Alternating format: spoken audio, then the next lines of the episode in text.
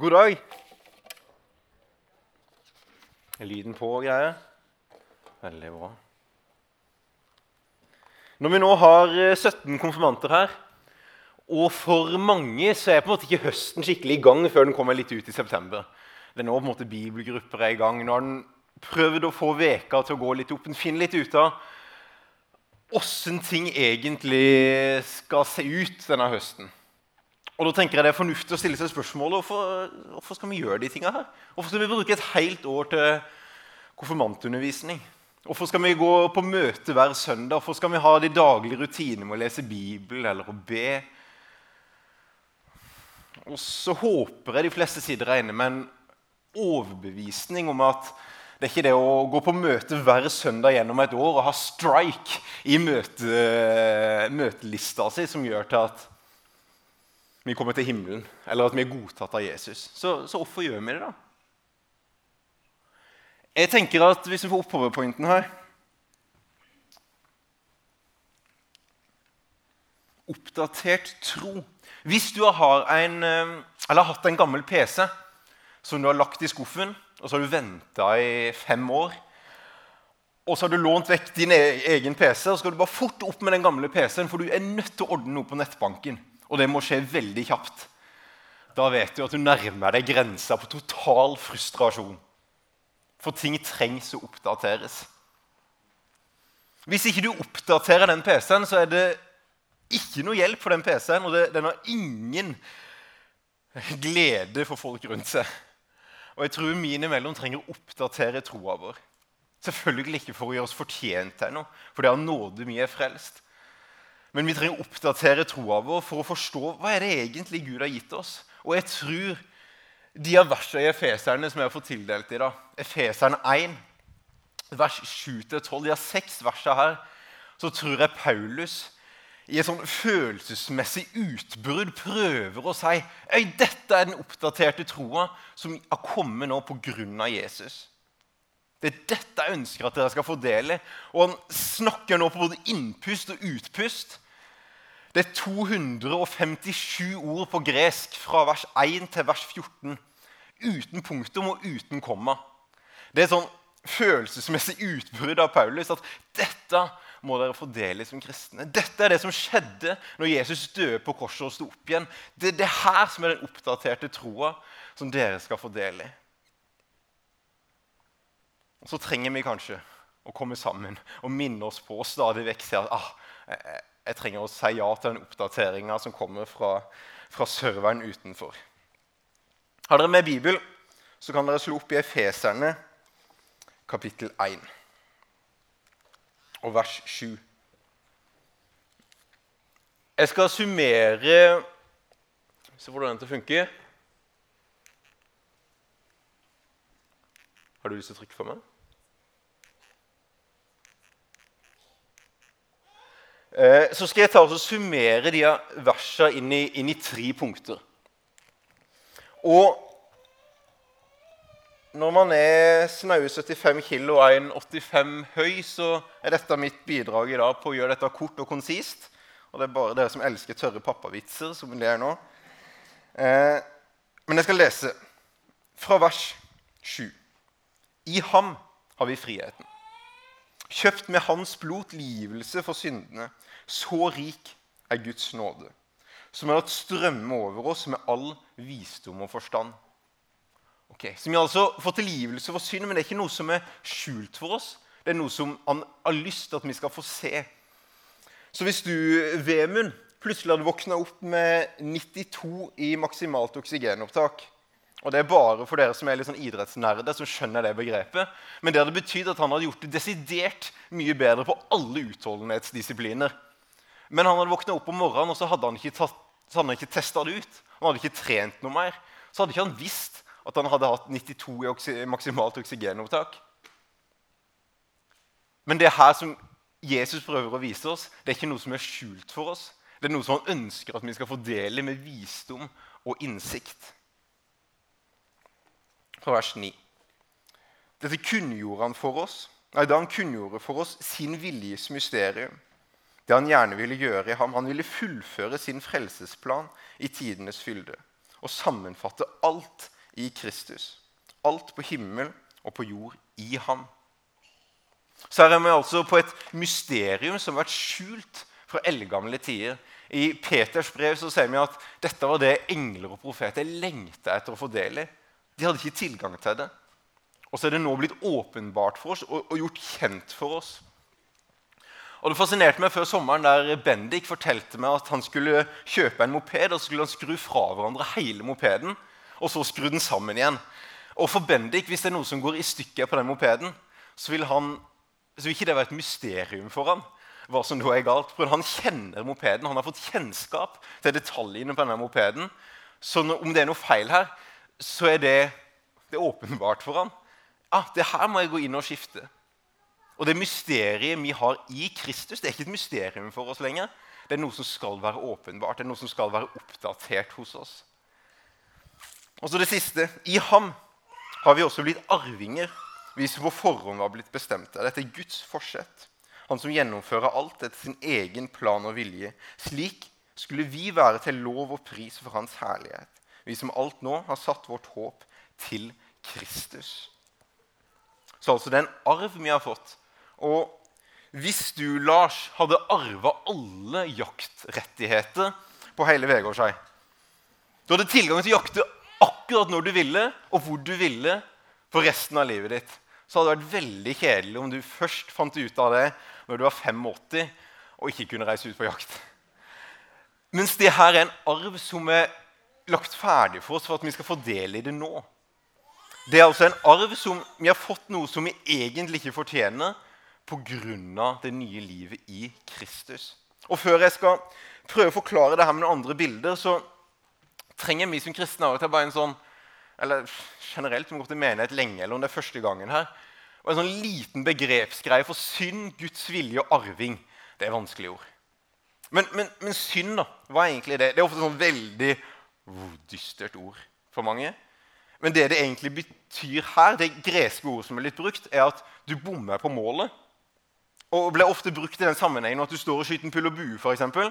du har en blink der borte, og så bommer du.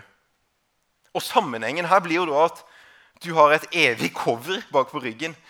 Der tilgivelse er at du alltid kan ta opp en ny pil og fortsette å skyte. Så synd er ikke det problemet at å ja, da, da har du feila for, for, resten av livet. Nei, det er tilgivelse for synd så lenge du fortsetter å sikte mot blinken. Problemet er jo hvis du bommer og så finner du ut at oh, det er noe her borte som er mye gøyere å hive på eller skyte på, og så beveger du deg så langt ifra målet at etter hvert så hører du egentlig ikke etter på Oi, bomma eller bomma jeg ikke? For her borte, hvis du baksnakka noen på skolen, og du bomma på målet, så kjente du i samvittigheten din, ah, det her var faktisk ikke helt greit, så jeg prøver på nytt. Og så prøver du på nytt fram til du, ja, nå, nå oppmuntrer jeg mer enn jeg snakker folk ned. Mens hvis vi ikke hører på den indre samvittigheten og beveger oss langt vekk fra målet, det er da synd blir et problem, for da hører vi ikke etter den indre samvittigheten vi trenger å høre på. Og hva er Guds vilje, da? Det er vanskelige ord. Og jeg er så glad for at kristentro ikke er en mysteriereligion. Som de fleste andre religioner så vet du egentlig ikke den fullkomne viljen til den guden eller de gudene du tror på. Men i kristentro så er det Guds glede å gjøre sin vilje åpenbart for oss. Og den ble åpenbart gjennom Jesus. Og i Kolosserne 2,27 så står det at dette her er mysteriet. Det er Kristus som er i dere, håp om herlighet. Så det håpet som andre mennesker går rundt og lengter etter, det er den det er det vi har fått del i. Det er Guds vilje i oss. Kristus i oss. Og så den andre, da. Det er jo egentlig bare det vi har fått uten at vi fortjener det. Kanskje kan denne familien fra Vigrest Jeg tror du må trykke for meg her. Uh, Vigrest på Jæren, som i 1883 Rart den funka der nede, men ikke her.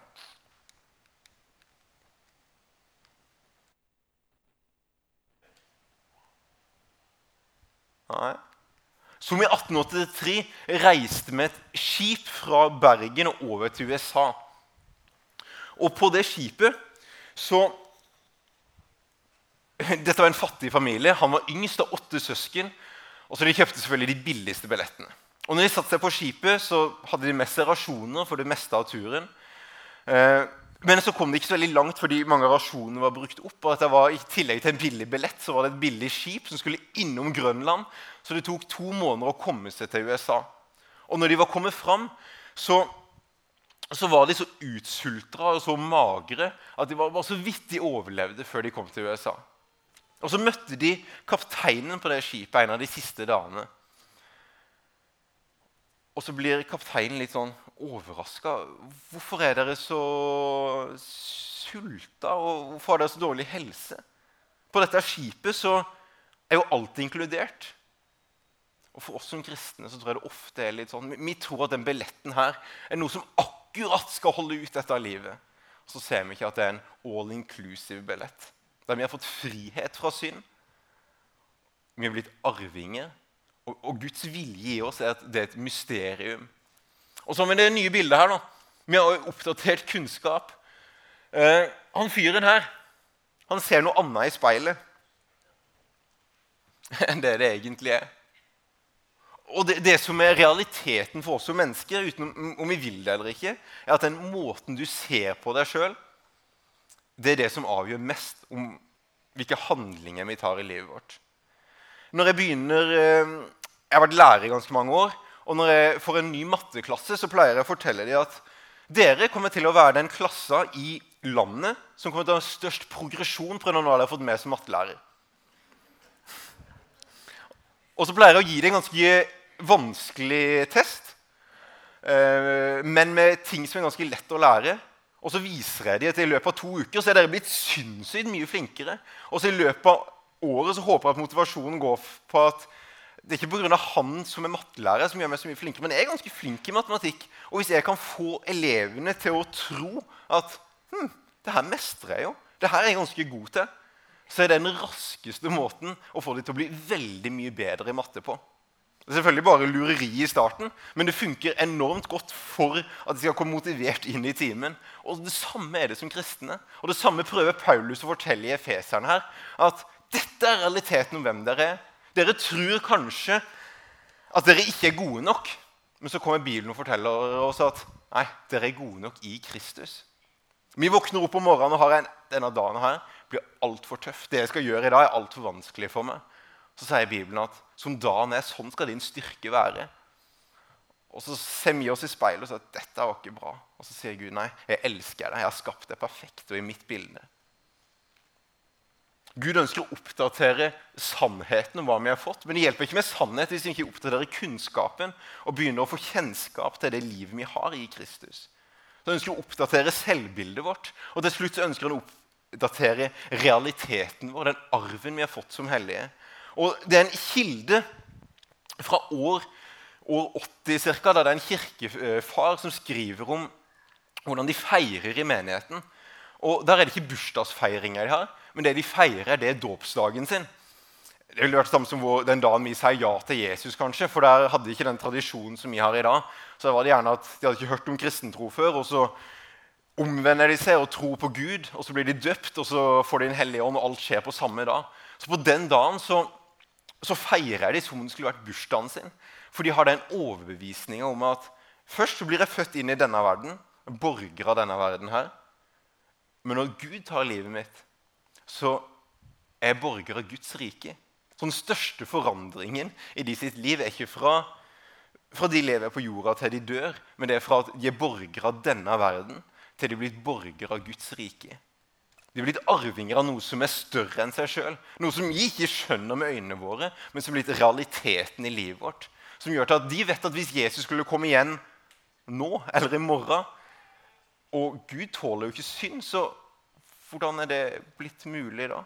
Jo, for når Gud nå ser på dem som hellige pga. de er i Kristus.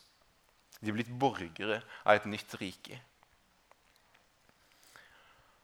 Og så er sannheten her at Spesielt for dere som ikke har tatt et standpunkt om å følge det her, så vet vi at kristentro er noe hvis vi bare skal se inn på det utenfra og observere kristentro, så vil det aldri gi mening.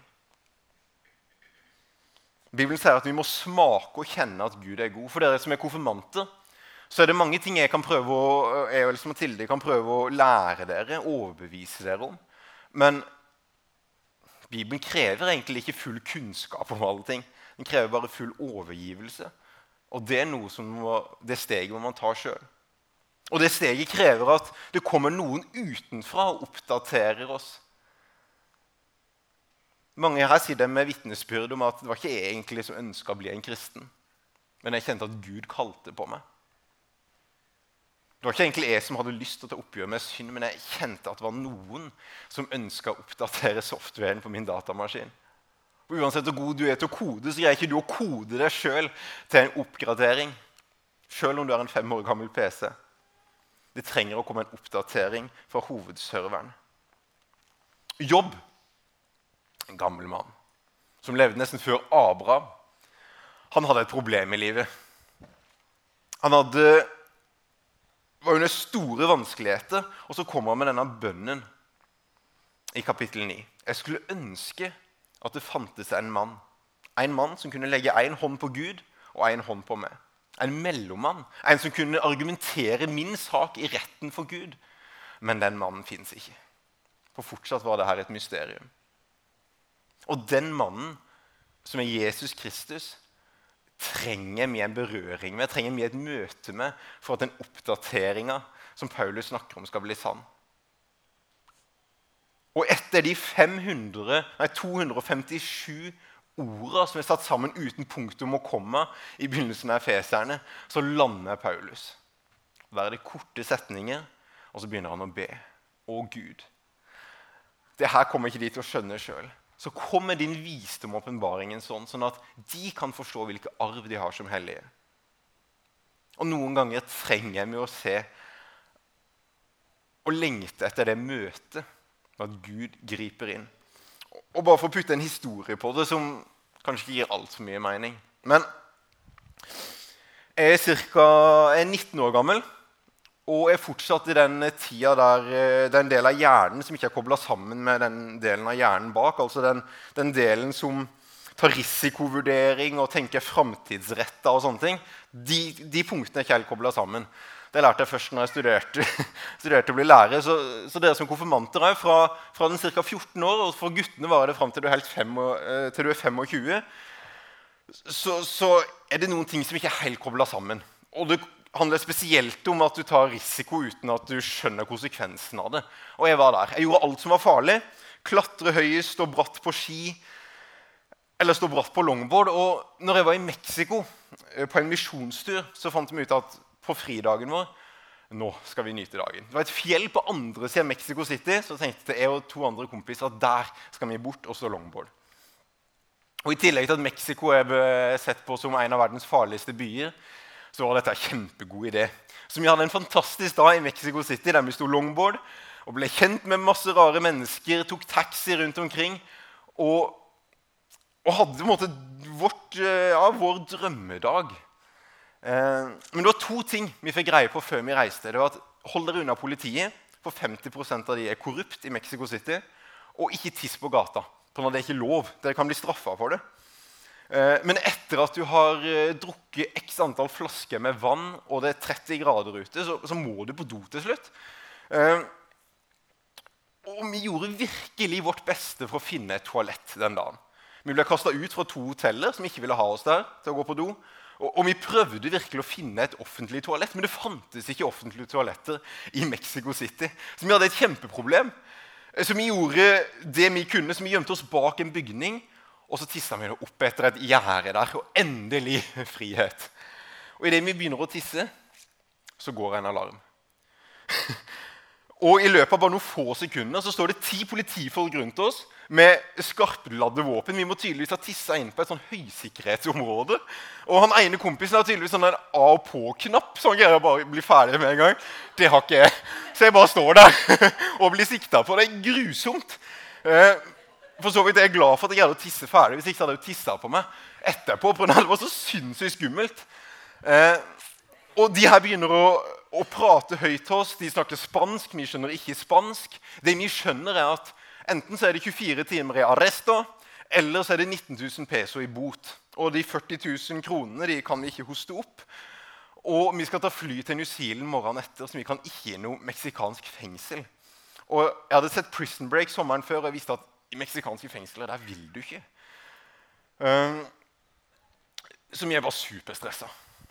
Heldigvis så er det en av oss som kommer på at ja, vi er jo tross alt kristne ungdommer på tur, så vi, vi ber. Gud, nå må du hjelpe oss! Og rett etter det her så kommer det en mann gående bak oss. Jeg roper 'Hablo ingles!' Og så kommer han bort til oss. og Jeg skjønner ikke hvorfor han gidder å ofre så mye tid for at vi dumme norske gutter skal komme oss ut av den knipa her. Men han bruker over 20 minutter på å argumentere overfor de hvorfor vi skal få lov til å få fri. Og etter 20 minutter så snur han seg mot oss og sier at nå kan dere gå, men de vil aldri se dere mer.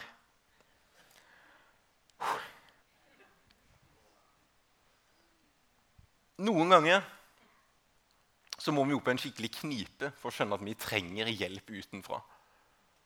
Og For min del ble det en sånn opplevelse at Det holder ikke bare å ha oppdatert sannhet for vår del. Vi, vi trodde at vi, vi, vi, kunne det være så galt å tisse på denne plassen. Og for noen av oss som har rota oss opp i synd, så tenker vi akkurat det samme. Er det så galt, det vi har gjort her nå? Så trenger vi noen ganger at det kommer inn en person utenfra og hjelper oss. Og oppdaterer sannheten om hvem vi er. Og så hjelper det ikke med sannhet hvis vi ser ah, det her med å begynne å leve, det her med å ta del i, det her med å prøve å forstå. Og at det blir realiteten i vårt liv. Jeg håper at for konfirmantene så kommer det her til å bli noe som kan lande litt i oss underveis. For dere som fortsetter å gå på møte på søndagene, så håper jeg at dette blir noe vi skal fortsette å hjelpe hverandre til å oppdatere. Og så tror jeg at den viktigste plassen og beste plassen for å holde vår tro oppdatert, for å holde den virkelighetsrelatert, og for at vi kan få hjelp utenfra til å oppdatere serveren vår, så trenger vi å sitte alene med Gud, med Guds ord, og spørre Gud hva har du for meg da? Og jeg tror at hvis vi oppdaterer vår sannhet, så gjør det noe med oss. Jeg tror det gjør til at vi blir mennesker som fortere tilgir andre. Fortere omvender oss fra synd. Jeg tror Hvis vi fortsetter å oppdatere kunnskapen vår og prøve å få kjennskap, akkurat som Bendik har med denne mopeden, så tror jeg vi trenger å lese Bibelen. Komme i fellesskap som det her. Bruke tid på bønn. For det er først der det gjør til at vi greier å tenke annerledes om oss sjøl. Det er ikke noe som skjer automatisk. Det er Gud som oppdaterer oss, som gjør alt, legger alt til rette, men så er det vi som trenger å laste ned de riktige filene. Kanskje slette noen filer som ikke hører hjemme. Og så er det sånn at arvinger de tar ansvar.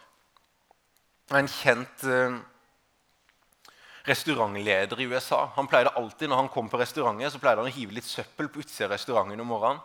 Og så pleide han å se hvilke av de ansatte er det som tar med seg den søpla inn og kaster den før de har logga seg inn og begynt å telle timer.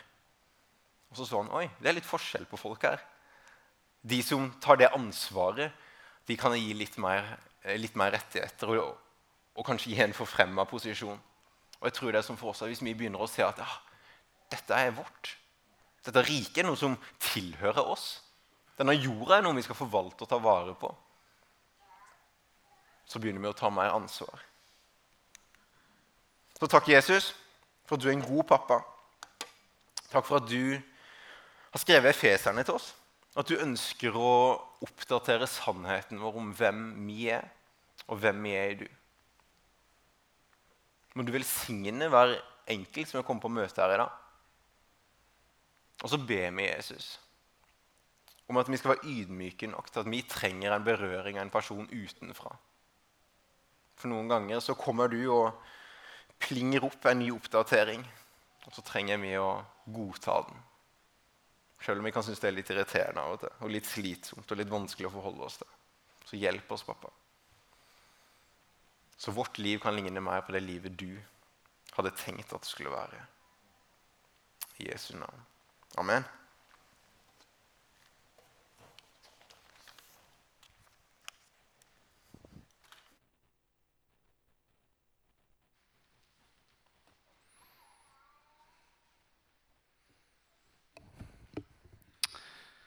Takk for det, Knut Olav.